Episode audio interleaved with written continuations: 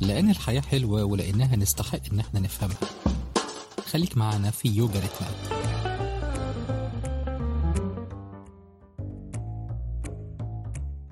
السلام عليكم ورحمة الله وبركاته. أصدقائنا أصدقاء يوغا ريتمات وأصدقاء الأستاذ أحمد المغازي اليوم. عندنا حلقة جديدة مهمة جدا. أه، بتتكلم عن نشاط كلنا بنفكر فيه. كلما دخلنا إلى غرفة الرياضة كلما وجدنا ميزان وزن الجسم كلما شاهدنا إعلان أه، فيه أجهزة تمارين رياضية. نتكلم عن خفض الوزن وعلاقته باليوغا. موضوع أه، خلينا نقول مهم جدا لأنه أنا شخصيا لي تجارب كثيرة مع حكاية تخفيض الوزن أو الدايت أو عمل الرجيم. وكنت كل مرة أقول أعوذ بالله من الشيطان الرجيم ألقى نفسي في قلب مطبات الرجيم. هل اليوغا حتساعد؟ في عملية تخفيض الوزن والحفاظ على جسد رشيق صحي رياضي ولا هذه مجرد تفاؤلات مني أنا شخصيا. أنا راح أترك الإجابة لضيفنا الأستاذ أحمد مع أول سؤال. أستاذ أحمد يقال أنه اليوغا أو معروف أن اليوغا. وخاصة التأمل والوعي بالذات تفيد في نواحي كثيرة في حياتنا النواحي الذهنية العقلية الروحية والجسدية. لكن هل فعلا في يعني في جواب كذا واضح وصريح معلش أنا أعرفك أنك صريح جدا. هل هي تفيد في خفض الوزن اليوغا؟ أهلا بك يا أستاذ أنس واهلا بكل مستمعينا مستمعي يوجا ريتمات في كل العالم. السؤال ده يعني زي ما بنقول كده محتاج مننا تركيز شوية. لو إحنا هنتكلم على فكرة إن اليوجا مجرد لو هنقتطعها من سياقها يعني لو هنقول إنها مثلا إحنا عندنا في ال eight limbs of yoga والأركان الثمانية اليوجا منهم جزئية البراتيهارا أو اللي هو الوعي الذاتي مثلا. لو أنا هاخد الجزئية دي فقط كده يبقى اليوجا بالنسبة لي مش هتكون مفيدة كأداة علشان أعمل ريشيبنج أو إعادة تشكيل لجسمي أو إعادة هندسة لجسمي. اليوجا كل متكامل.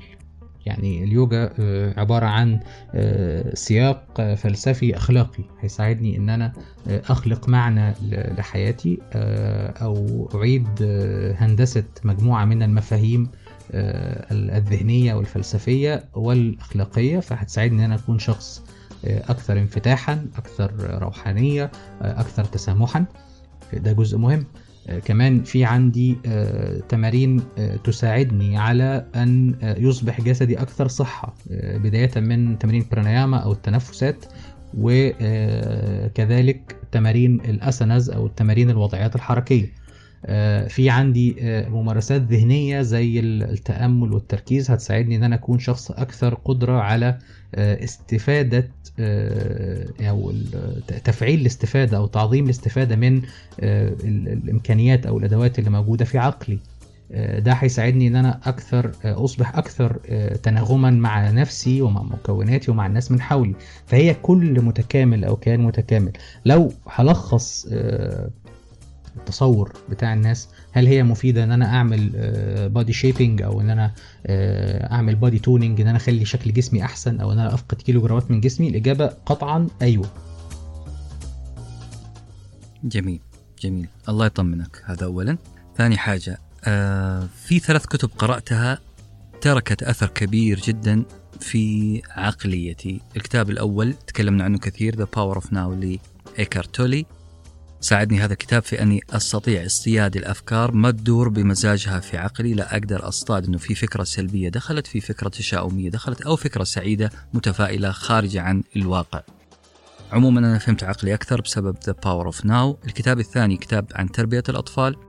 كانت فيه أمثلة عن تدريب الأطفال كيف يستطيع أن يفهم أو يضع درجة معينة للخوف. كم درجة خوفك من هذا الموقف؟ فكان عبارة عن ترقيم أو قياس لحاجة غير قابلة للقياس. كان بيدربون الأطفال عليها. هذا أثر فيها كثير في تربيتي وفي نفسي. الكتاب الثالث عن ال CBT ال cognitive behavioral therapy العلاج السلوكي الإدراكي. وهذا كان برضو يحاول أن يفهمنا أنه ما تفكر فيه سيؤثر في سلوكك والعكس. سؤالي آه، أستاذ أحمد اليوغا. هل تقدر تساعدني أفهم جسدي أكثر عشان أبدأ مرحلة رجيم أو سيطرة على شهوة الأكل؟ تمام. طب خلينا نبدأ بموضوع شهوة الأكل عشان دي حاجة محببة لينا كلنا. أولا ال- الأكل آه، يعني خلينا نقول هو الشهوة الحلال أو الحاجة اللي هي آه، يعني ربنا قال لنا في القرآن كلوا من طيبات ما رزقناكم. خلونا بس نركز في- معنى هذه كلمة طيبات ما رزقناكم دي. طيبات دي مش معناها بس إن الأكل يكون من كسب حلال معناها إن إن الأكل يكون طيب بمعنى إنه مذاقه يكون طيب طعمه يكون حلو آه، معمول آه، بشكل حلو أو معمول ويل دان يعني زي ما بيقولوا الشيفات بيقولوا. آه، مكوناته تكون مخدومة كويس يكون في إحسان وإتقان في في إعداده. فالفكرة هنا إن إحنا لو هنشوف الأكل اللي إحنا بناكله يعني خلينا برضو نكون متفقين أكيد آه، يعني هنحب إن إحنا ناكل شوية حاجات آه، يعني desserts أو حاجات فيها سكريات ده ده أكيد هنحب برضو إن إحنا ناخد آه، شوية junk food يعني برجر مش عارف إيه حاجات من دي حاجات معمول عليها صوص مش عارف إيه الحاجات دي كلها. بس السؤال بقى هنا هل ده نمط حياة ولا مجرد بتكون يعني إيه يعني بنكسر الروتين كده مثلا مرة مرتين في الشهر ولا العكس اللي بيحصل إنه دايما جانك فود على طول ومرة ولا مرتين في الشهر ضميرنا بيوجعنا فبنروح نحاول إن إحنا نعمل أكل صحي زي الشخص اللي بياكل آه، وجبة من آه، من أحد المطاعم الفلانية الشهيرة آه، بيج معرفش إيه وكذا tasty مش عارف إيه والحاجات دي. وفي الآخر يقول طيب ال- المشروب الغازي اللي أنا هشربه يا ريت يكون diet علشان بس ما يبوظش الرجيم. إحنا بنتعامل مع حياتنا كده للأسف. فخلينا نقول إنه آه، اولا محتاجين إن إحنا نعي ومحتاجين إن إحنا نفهم إن آه، حياتنا آه، قرار في إيدينا وإن إدراكنا ووعينا لطبيعة ما نأكل طبيعة هذا هذه المكونات التي تدخل إلى أجسامنا مهم جدا جدا إن إحنا نفهمها. فعشان كده آه، اليوجا بتقدم لنا آه، أداتين في غاية القوة غير النظام الحركي اللي موجود في اليوجا أو في الأنواع المختلفة من اليوجا اللي إن شاء الله هنتكلم عليها آه، في عندنا علم مهم جدا إحنا كنا أشرنا إليه في, في أكتر من مرة في حلقات الموسم الثاني هو علم الايرفيدا علم الايرفيدا هو علم التغذية الصحية من خلال مكونات طبيعية سهلة جدا موجودة حوالينا وتحديدا مش هنقول حاجات غريبة عننا. يعني هنقول إن في مكونات بالفعل موجودة في ال- ال- المطبخ العربي سواء بقى المطبخ في السعودية المطبخ في آه، في البحرين في الكويت في مصر في سوريا في لبنان في المنطقة العربية بشكل عام. مكونات بسيطة جدا هي آه، بالفعل سهلة التحضير وسهل إن إحنا آه، نستسيغها ونتذوقها وفي نفس الوقت ما تكونش آه، اليوجا بتقدم لنا أداتين مهمين قوي. بتقدم لنا آه، صيانة للوقود اللي إحنا بنتغذى عليه وبتقدم لنا صيانة لهذه الماكينة اللي إحنا بنتحرك من خلالها ونعيش حياتنا من خلالها. فدي دي نقطتين في غاية الأهمية لازم نبقى مدركين آه، ليهم وإحنا بنتكلم عن آه، فكرة الأكل وفكرة الشيبنج وفكرة ال- النمط الصحي للحياة وكل هذه ال- الأمور العظيمة. فاليوجا فعلا بتدينا آه، أدوات فعلا بتدينا آه، إمكانيات إن إحنا آه، تكون حياتنا أحسن نكون فاهمين أكتر للمكونات جسمنا ماشية إزاي وإزاي بتتفاعل مع بعض عشان نعيش حياة أكثر توازنا وأكثر تناغما وأكثر سعادة. والله كلام مطمن جدا وجميل إنه الواحد يكون زي ما هو ذوق في التعامل ذوق في اللبس يكون ذوق في آه في في الأكل. بحيث إنه مش دائما إدمان الأكل الجانك فود لا هي شهوة بتيجي فتره الواحد بيستذوق أو بيخصص له وقت نوعي لأنواع الأطعمة. لكن اللي عاجبني في كلامك إنه دائما اطر كل هذا في إنه نظام مسألة الرجيم أو تخسيس الوزن نظام كامل حياة كامل مش فقط آه، منع من الأكل لكن وعي بعمليه التغذية وعي بفكره شهوة الطعام إنه مش سجن هو ممنوع الأكل تماما لا. آه، الواحد يكون انتقائي. آه، كلام جميل مطمن جدا رغم إنه يبغى لي إعادة تأسيس من أول وجديد آه، في رمضان وقبله أنا افسدت تماما النظرية الجميلة دي اللي هي انتقائية الأكل. عموما أستاذ أحمد أنت ذكرت قبل دقيقة من الآن إنه في أشكال حركية لليوغا. تساعد في تخفيض الوزن. آه، هل هذا الكلام واقعي فعلا؟ في يوغا حركية آه، ممكن نحرق فيها ال- ال- البلاوي اللي كدسناها في جسمنا؟ طيب خلينا نتفق إنه ده حقيقي آه فعلا. يعني اليوجا فيها آه، فيها أشكال كتيرة قوي. يعني ال- اليوجا ليست يعني ليست كتابا مقدسا. بمعنى إنه في كل شخص مارس اليوجا لفترات طويلة. آه، يستطيع أن يخلق آه، نمط وسياق حركي آه، مميز ومناسب لطبيعه جسمه ومناسب أيضا للأشخاص الذين يمثلونه في طبيعة الجسم. يعني إحنا في عندنا في في اليوجا في عندنا حاجة اسمها ال three doshas اللي كنا اتكلمنا عليها قبل كده اللي هي أنماط الأجساد أو النمط ال- الجسدي. في عندنا ال- البيتّا والكافا والفاتا. يعني مثلا في نمط جسد آه، قابل للسمنة. يعني هو آه، يعني عنده قابلية إن هو يصبح آه، شخص بدين.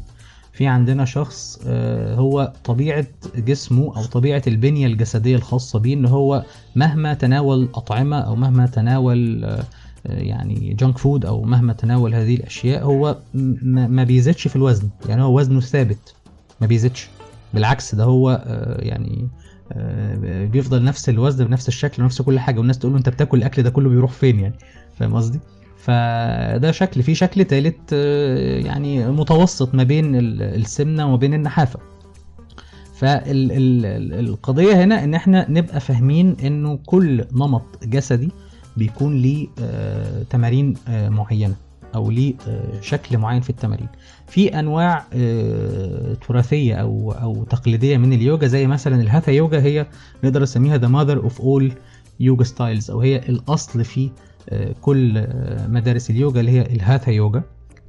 وفي كمان مدرسة الفينياسا أو الفينياسا هنا. كلمة هاثا يعني يوجا الشمس والقمر. أو اليوجا التي تهدف للتوازن بتاع الطاقة آه، ال- الذكورية والأنوثية داخل جسم الإنسان. آه، في نمط الفينياسا أو مدرسة الفينياسا أو طريقة الفينياسا يوجا هي آه، أن آه، أقوم بمجموعة حركات متتالية. كلمة في معناها شكل خاص. كلمة نياسا يعني مكان أو وضعية. فأنا كيف أقوم بوضعية آه، معينة بشكل معين؟ مجموعة من التتابعات أو ال- ال yoga sequences تتابعات حركية معينة مع التركيز على التنفس.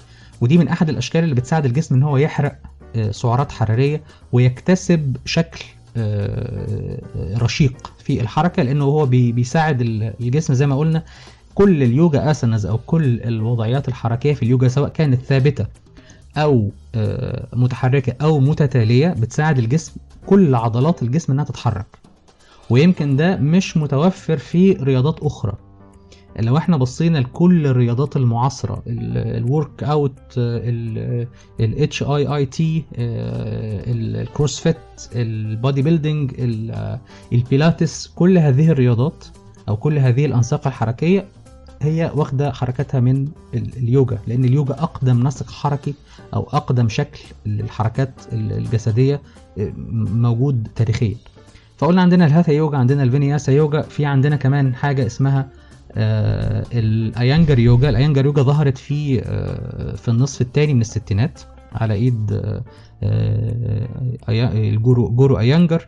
وكمان في عندنا ال hot yoga اللي هي اليوجا التي تمارس في ما يشبه الساونا أو الغرف ال- اللي بت- بت- بتكون درجة حرارتها عالية. وده برضو بيساعد في فقد السعرات الحرارية بدون شك. كمان في آه، نمط أو طريقة لليوجا اسمها أشتانجا. هي أقرب إلى الورك أوت أو أقرب إلى التمارين آه، عالية الحدة بيكون فيها تمارين آه، مخصصة للمبتدئين وأصحاب ال ال- يعني اللياقة المتوسطة وأصحاب اللياقة العالية. ودي يعني من أكثر التمارين اللي بت- بتساعد الجسم على اكتساب المرونة والقوة. وفي نوع قديم مش منتشر قوي يعني ده يعني خلينا نقول إيه آه، قليل من آه، يعرفون تمارينه آه، نوع اسمه أنجا ماردانا يوجا. أنجا ماردنا يوجا يعني أنجا ماردنا يعني آه، كلمة أنجا يعني آه، أطراف آه، ماردنا يعني آه، آه، سيادة أو آه، السيطرة. السيطرة على الأطراف أو سيادة الأطراف يعني كيف يكون الإنسان قادر على التحكم في عضلاته التحكم في آه، آه، في جسده آه، يكون له جسد قوي يكون له جسد متناسق ورشيق. والأنجا ماردنا بدأت تظهر بقوة خلال الخمس سنين اللي فاتوا في الهند حتى يعني كليات آه، الطب الرياضي أو الكليات المتخصصة في اليوجا في الهند بدأت تدرس هذا النوع من ال- البرامج كنوع من ال high intensity workout اللي هو ال- ال- ال- الحركة الجسدية عالية الشدة. فأكيد في أنواع كتير جدا وايا كان شكل الجسم ال- ال- الخاص بيك هتقدر إن أنت تلاقي تمارين تساعدك إن أنت آه، يكون آه، في تقبل لشكل جسمك. فلما يحصل تقبل لشكل جسمك وعي جسمك يزيد أو ال ال تعاملك مع جسمك يكون أفضل فبالتالي جسمك يقدر إن هو يتعامل آه، بشكل أكثر حيوية أجهزته تعمل بشكل أكثر حيوية فبالتالي يقدر معدل الحرق يزيد نسبة ال hormones وال neurotransmitters أو الهرمونات والموصلات العصبية تكون آه، نسبة إفرازها أعلى فالجسم هيبدأ إن هو يتشكل بشكل أفضل لأن الموضوع كله بيبدأ بفكرة التقبل. عشان كده إحنا لما بنقول لشخص يجب أن تتقبل آه، شكل جسمك مش معناها ابدا ابدا بنقول له آه، إن أنت تفضل بدين أو تفضل آه، يعني وظائف القلب عندك تفضل مش متظبطة وظائف الكلى عندك يبقى فيها مشاكل. لا اطلاقا. الفكرة كلها إن أنت تتقبل هذا الشكل مرحليا إلى أن يتم مساعدتك من قبل جسمك. لأن إحنا مشكلتنا إحنا بنغني في حتة أو إحنا بنتكلم في حتة والرجيم بيتكلم في حتة تانية خالص. أو النظام الغذائي أو النظام الحركي بيتكلم في حتة تانية خالص. فما بيحصلش توافق. فما ما متفقش يعني. عشان كده بنسيب الرجيم على طول. حتى في ناس بتقول أعوذ بالله من الرجيم الرجيم. يعني ما بيحبوش إن هم تتجاب السيره دي أصلا. يعني. ده أنا. طيب آه الواضح إنه اليوغا منطلقة من أنه لابد إنه يصير التعديل أول شيء في البرمجة. برمجه الدماغ ثم الانطلاق إلى الجسد عشان لا يصير فيه آه تعارض. جميل. ال- التسليم بالأمر الواقع كنقطة انطلاق وليست نقطة بقاء. آه جميل الكلام ده. آه، أستاذ أحمد بما إنه اليوغا داخله حتى في الرجيم قابلة إنها تغير تغيير جذري في في تقبلنا ثم تغييرنا لأجسادنا وت- وشكل أجسادنا. آه، فينها عن المراكز الأكاديمية؟ م- معلش هو سؤال جانبي شوية، ليه ما بنشوف لها إرث معرفي آه، مثلا قسم جامعي أو تخصص أو بس هذا سؤال معلش آه، جاء في بالي الآن. طيب هو يعني مبدئيا إحنا يعني هتكلم مثلا لو عندي هنا في مصر في طبعا في الحمد لله في في بدأ يكون في في وعي في في فكرة الصحة. يعني كثير من المبادرات ال- الحكومية بتسعى لده وبتحاول إنها تنشر الوعي الصحي. وملاحظ برضو ده موجود في في المملكة من فترة. آه، يعني سواء رؤية مصر 2030 أو رؤية المملكة 2030 أنا ملاحظ إن ده في في تركيز عالي قوي على جزئية الوعي الصحي. محور جودة الحياة. نعم مضبوط بالفعل ده حقيقي. أنا ملاحظ ده من فترة في مبادرات كتير سواء في مصر أو في السعودية. وده شيء عظيم جدا وبيسهل يعني إحنا كأشخاص مهتمين بهذا النوع من من جودة الحياة أو هذا النوع من أو هذا المجال بشكل عام فكرة ال well-being أو ال quality of life بشكل عام ده بيسهل علينا كتير. أعتقد إنه دلوقتي في الوطن العربي بدأ يكون في وعي بهذه بهذه الأشياء. يعني مثلا في أحد في جامعة القاهرة من من قريب كان في آه، استفادة من خبرة أحد أساتذتنا يعني في في اليوجا هي آه، سيدة آه، من السيدات العظيمات يعني اللي دخلوا دخلوا اليوجا لمصر أصلا في البداية واستفادوا بخبراتها في آه، إزاي اليوجا مفيدة في آه، التعامل مع آه، الأطفال اللي عندهم مشكلة في تشتت الانتباه أو ال دي ال ADHD إزاي اليوجا أنا أنا بالنسبة لي استعملت ال- اليوجا مع الأطفال آه، آه، من ذوي الهمم والأطفال اللي عندهم متلازمة داون. إزاي يكون في تناسق عضلي آه، عصبي. آه، بنشوف برضو آه، أطباء كتير ودي الحقيقة بشوفها يعني آه، سواء بقى يعني من أصدقائنا اللي موجودين في مصر أو أصدقائنا اللي في المملكة برضو ملاحظ إن آه، معظم الأخصائيين النفسيين أو المعالجين النفسيين أو الأطباء النفسيين بينصحوا بممارسة التأمل واليوجا. آه، شوية شوية في يعني بحس إن في حراك آه، وفي وعي وفي آه، تركيز على آه، تعزيز المفهوم ده والاستفادة من كل الأدوات. يعني اليوجا كأداة وأنا في وجهة نظري كأداة فاعلة جدا آه، بيحاولوا إن هم يستخدموها بشكل فعال وإيجابي. لكن يعني ممكن نقول دي خطوة على طريق إن يبقى فيها دراسة أكاديمية أو يتم يعني استثمار هذه الأداة أو هذا النوع من العلوم في القالب الأكاديمي بقى. يعني ممكن نلاقي في كليات التربية الرياضية مثلا أو في كليات الطب الرياضي أو في ال- الكليات اللي بتهتم بالجانب الطبي. ممكن نلاقي في آه، أقسام أو في أشخاص بيقدموا دراسات آه، أو رسائل ماجستير ودكتوراه في هذا أو تحت هذا العنوان أو استفادة من هذا ال- الإرث المعرفي اللي موجود. في الهند بالفعل في كليات متخصصة للطب اليوجي بيسموها yoga medicine آه، وزارة الصحة ال- الهندية فيها قطاع للطب الأيورفيدي أو ال- هو ال- الأيورفيدا زي ما إحنا قلنا هي ال sister science لليوجا ال- يعني أحد العلوم الشقيقة لليوجا.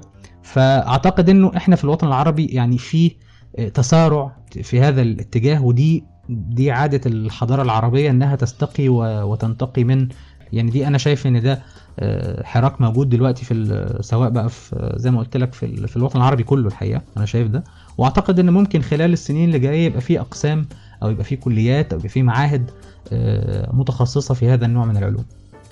جميل. أنا آه، محتاج أو مضطر إني أبدأ حراك شخصي آه، أغير علاقتي السيئة جدا بجهاز موجود عندي في البيت آه، اللي هو الميزان ميزان ال- الوزن. آه، في علاقة مضطربة جدا بيني وبينه لأنه أعتقد الأرقام لا تكذب. فالميزان صريح جدا معي وبيقول لي ترى زدت 4 5 كيلو دائما بيسبب لي إرباك لحالتي النفسية. أنت ك خلينا نقول مرشد مرشد آه، إصلاح آه، ذوي البين بيني وبين الميزان أو أي شخص عنده علاقة مضطربة بينه وبين الميزان إيش ممكن تعطينا نصائح لتحسين هذه العلاقة؟ خلينا نقول إن أنت أصلا في طبيعتك أو ال- الكينونة بتاعتك كإنسان هي أفضل أفضل أفضل تكوين أفضل شكل. والفكرة إن أنت مش بتكتسب عادة جديدة أو بمعنى أصح أنت مش هتغير جلدك ولا هتغير آه، تعمل آه، يعني إعادة تشكيل لجسمك مثلا أو كده. لا إحنا محتاجين نفهمها بشكل تاني. أنا محتاج أفهمها إن أنا برجع للأصل المظبوط. أو برجع للشيب الصح أو برجع لأحسن تقويم. الشكل الأفضل اللي ربنا خلقني فيه. فأنا كمرحلة دلوقتي هذا ال- الوزن أو هذا الرقم ال- ال- اللي ممكن يخضني شوية أو ي- يفزعني شوية لما أشوفه على الميزان ده مجرد رقم.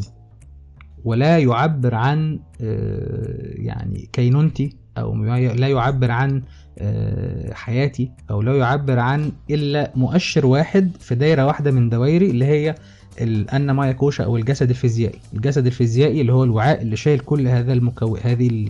هذه المكونات أو كل هذا الكيان محتاج إن هو يعاد رجوعه إلى الأصل اللي هو أحسن تقويم فأنا هبدأ أكرم نفسي بالاكل الصحي آه، هبدأ أكرم نفسي الأول بالتعرف على نمط جسدي ده هنتكلم عليه إن شاء الله في التطبيق العملي. إزاي أفهم ال- النمط الجسدي بتاعي آه، وإيه علاقة النمط الجسدي بالشخصية؟ عشان ده برضه هيساعدني كتير. وبعد ما أفهم النمط الجسدي بتاعي وأعرف النمط الشخصي بتاعي أو النمط النفسي بتاعي أقدر إن أنا أشوف التمارين البسيطة السهلة اللي ممكن أنا أعملها علشان أفتح حوار أو أفتح قناة اتصال مع هذا الجسد. لأن إحنا ما بنتكلمش مع جسمنا بقالنا كتير. يا إما. بنقيس وزننا فبنقفل فبنتضايق فبنقول لا الكلام بتاع. نمط الحياة الصحي وجودة الحياة والكلام ده يا عم الكلام ده مش بتاعنا أنا أنا حد بيحب البيتزا بيحب البوب كورن بيحب ال junk food إحنا خلينا في اللي نعرفه أحسن من اللي ما نعرفوش لا بالعكس خالص أنت بس محتاج تفهم التايب بتاع جسمك أو النمط بتاع جسمك تفهم آه، ارتباط النمط الجسماني بالنمط النفساني أو النمط ال- ال- الذهني والعقلي وبالتالي تفهم النمط بتاع الحركة البداية بيكون إزاي. اللي هي الاسانز أو البراناياما بتاعت جسمك ممكن تبقى عاملة إزاي. ده اللي إن شاء الله هنحاول آه، نتكلم عليه في آه، في الجزء المتبقي من آه، من حلقتنا إن شاء الله. وإن شاء الله برضو آه، يعني هيكون في فيديوز آه، أو آه، يعني مقاطع مصورة فيها تمارين بسيطة وسهلة عشان نبدأ إن إحنا ننشئ هذه العلاقة مع ال- الأنا مايا كوشا أو الجسد الفيزيائي بتاعنا عشان يساعدنا إن إحنا نرجع للأصل بتاع أحسن تقويم. رائع. طيب أستاذ أحمد شاكر لك جدا على هذا الكلام المطمن وبإذن الله المستمعين كذلك استفادوا كثير وحيستفيدوا من التمرين القادم. شكرا لك أستاذ أحمد ونترككم مع التمرين. في حفظ الله.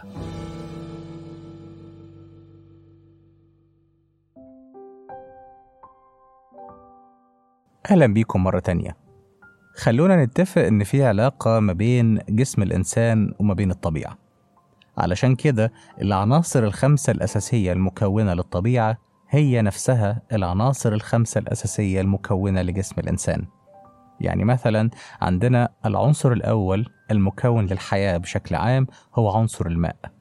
نسبة عنصر الماء في جسم الإنسان تقريبا 72% العنصر الثاني هو عنصر التراب أو عنصر الأرض ونسبته في جسم الإنسان 12% العنصر الثالث هو عنصر الهواء ونسبته 6% العنصر الرابع عنصر الأثير وبرضه نسبته 6% أما العنصر الأخير هو عنصر النار ونسبته 4% الفكرة أو الفلسفة أو المنطق اللي إحنا اتكلمنا بيه ده هو منطق علم الأيورفيدا اللي بيسموه The Sister Science of Yoga يعني العلم الشقيق لليوجا.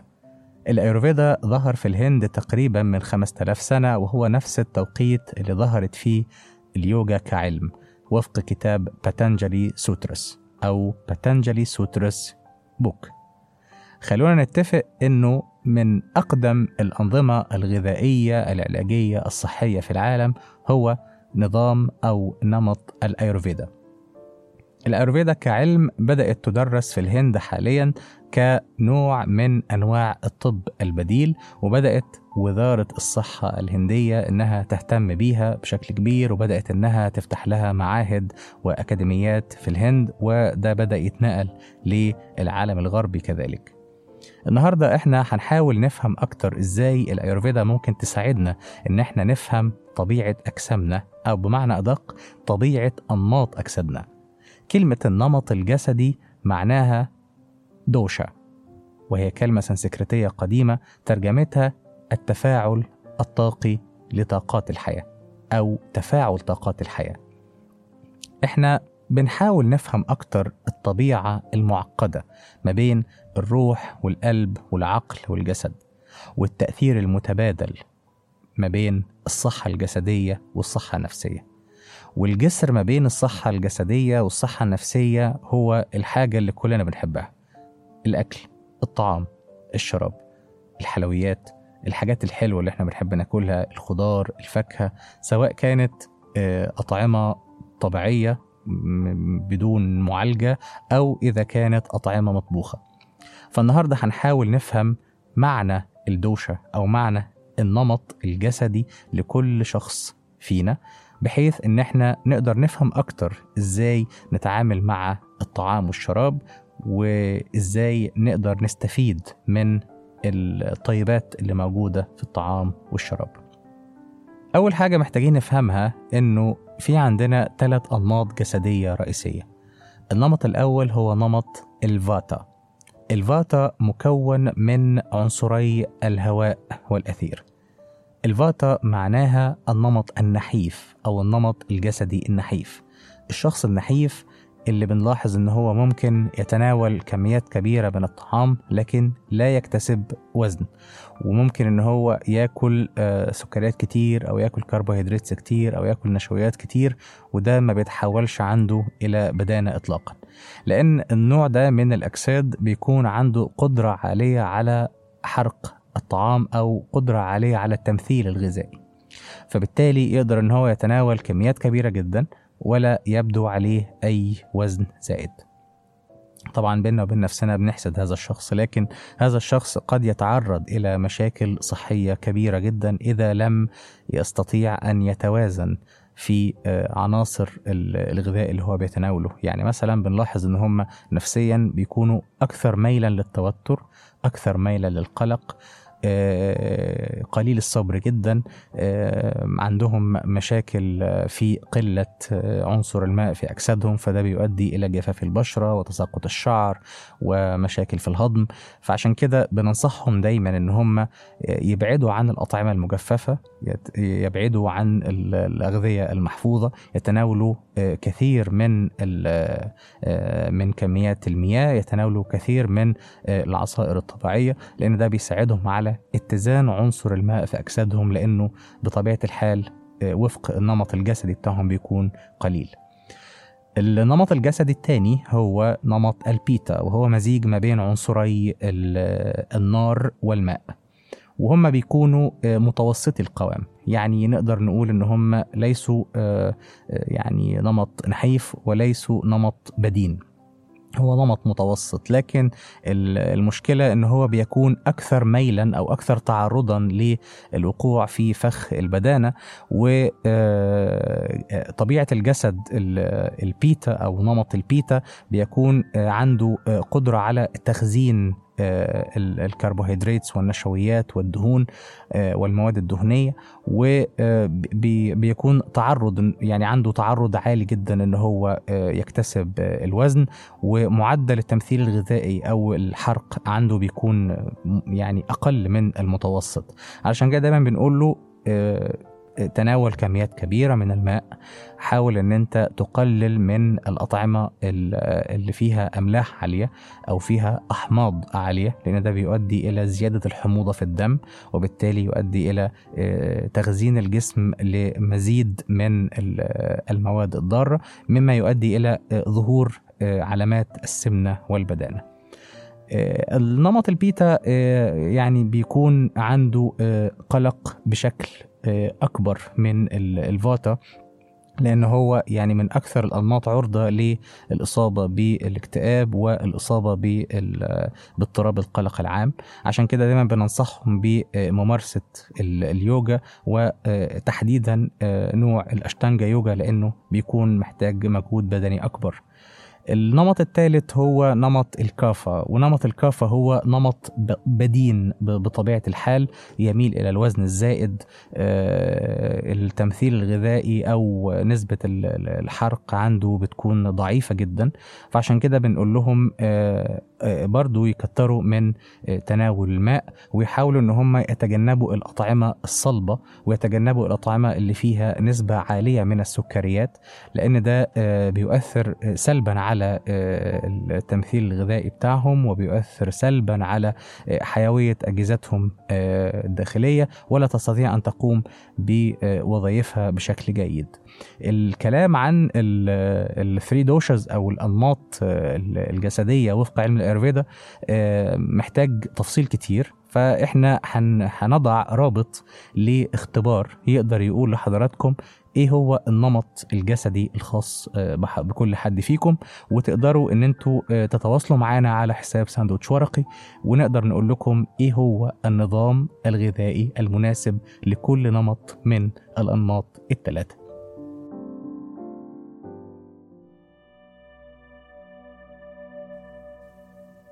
مرحبا بكم مرة أخرى. سنقدم لحضراتكم الآن نوعا جديدا من التأمل. نسميه التأمل الخاص بالحضور الجسدي. الهدف من هذا التأمل هو أن نصبح أكثر اتصالا بأجسادنا. وبهذا يمكننا أن ننقل إمكانيات أجسادنا إلى مستويات أكثر تناغما وتوازنا. لنجلس جلسة مريحة. ولنغمض أعيننا. ونركز على التنفس بعمق وبهدوء. شهيق. زفير. شهيق من الأنف وزفير من الفم. سنكرر هذا التنفس عشر مرات. عشرة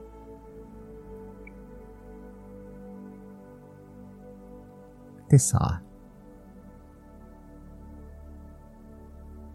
ثمانية سبعة. ستة. خمسة. أربعة.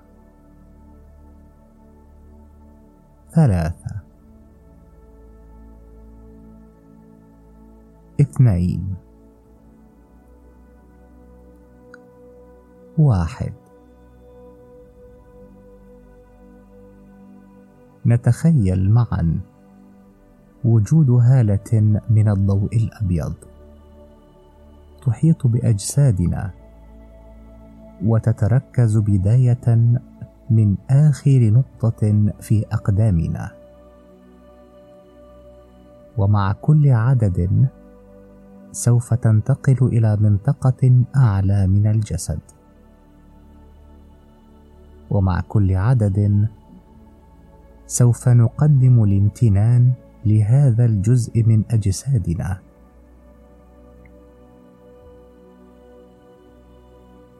سنبدأ بالعدد عشرين. تسعة عشر. ثمانية عشر. سبعة عشر. ستة عشر. خمسة عشر. أربعة عشر. ثلاث عشر. اثنا عشر. أحد عشر. عشرة. تسعة. ثمانية.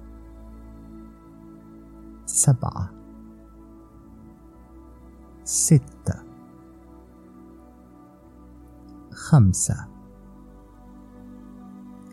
أربعة. ثلاثة. اثنين. واحد. إنني أمتن لهذا الجسد الذي هو صنيعة الخالق العظيم. هذا الجسد الممتلئ بالطاقة وبالسكينة وبالسلام وبالقوة. إنني ممتن لاجهزتي الداخلية التي تقوم بحمايتي ووقايتي وتساعدني على أن أحيا حياتي بشكل متزن متناغم. يمكنني من الاستمتاع بالسعادة وبالراحة وبالسكينة. إنني أنوي أن أقدم المزيد من الاهتمام لهذا الجسد. إنني أنوي أن أكون أكثر وعيا عندما أتناول الطعام والشراب. إنني أنوي أن أكون أكثر انفتاحا على أنماط صحية جديدة. أنوي أن أكون أكثر ادراكا لأهمية الطعام الصحي في حياتي. من أجل أفكاري ومن أجل علاقاتي ومن أجل تجاربي الحياتية أن تكون أكثر إيجابية. أستطيع أن أدرك وأعي وأركز أنني أستحق مزيدا من الاهتمام بهذا الجسد الذي هو صنيعة خالق عظيم. كما إنني ممتن له فإنني سوف أحافظ على هذه العطية وهذه النعمة المتمثلة في هذا الجسد. أركز أكثر على التنعم بهذه العطية. أهتم بها وأمتن لخالقها.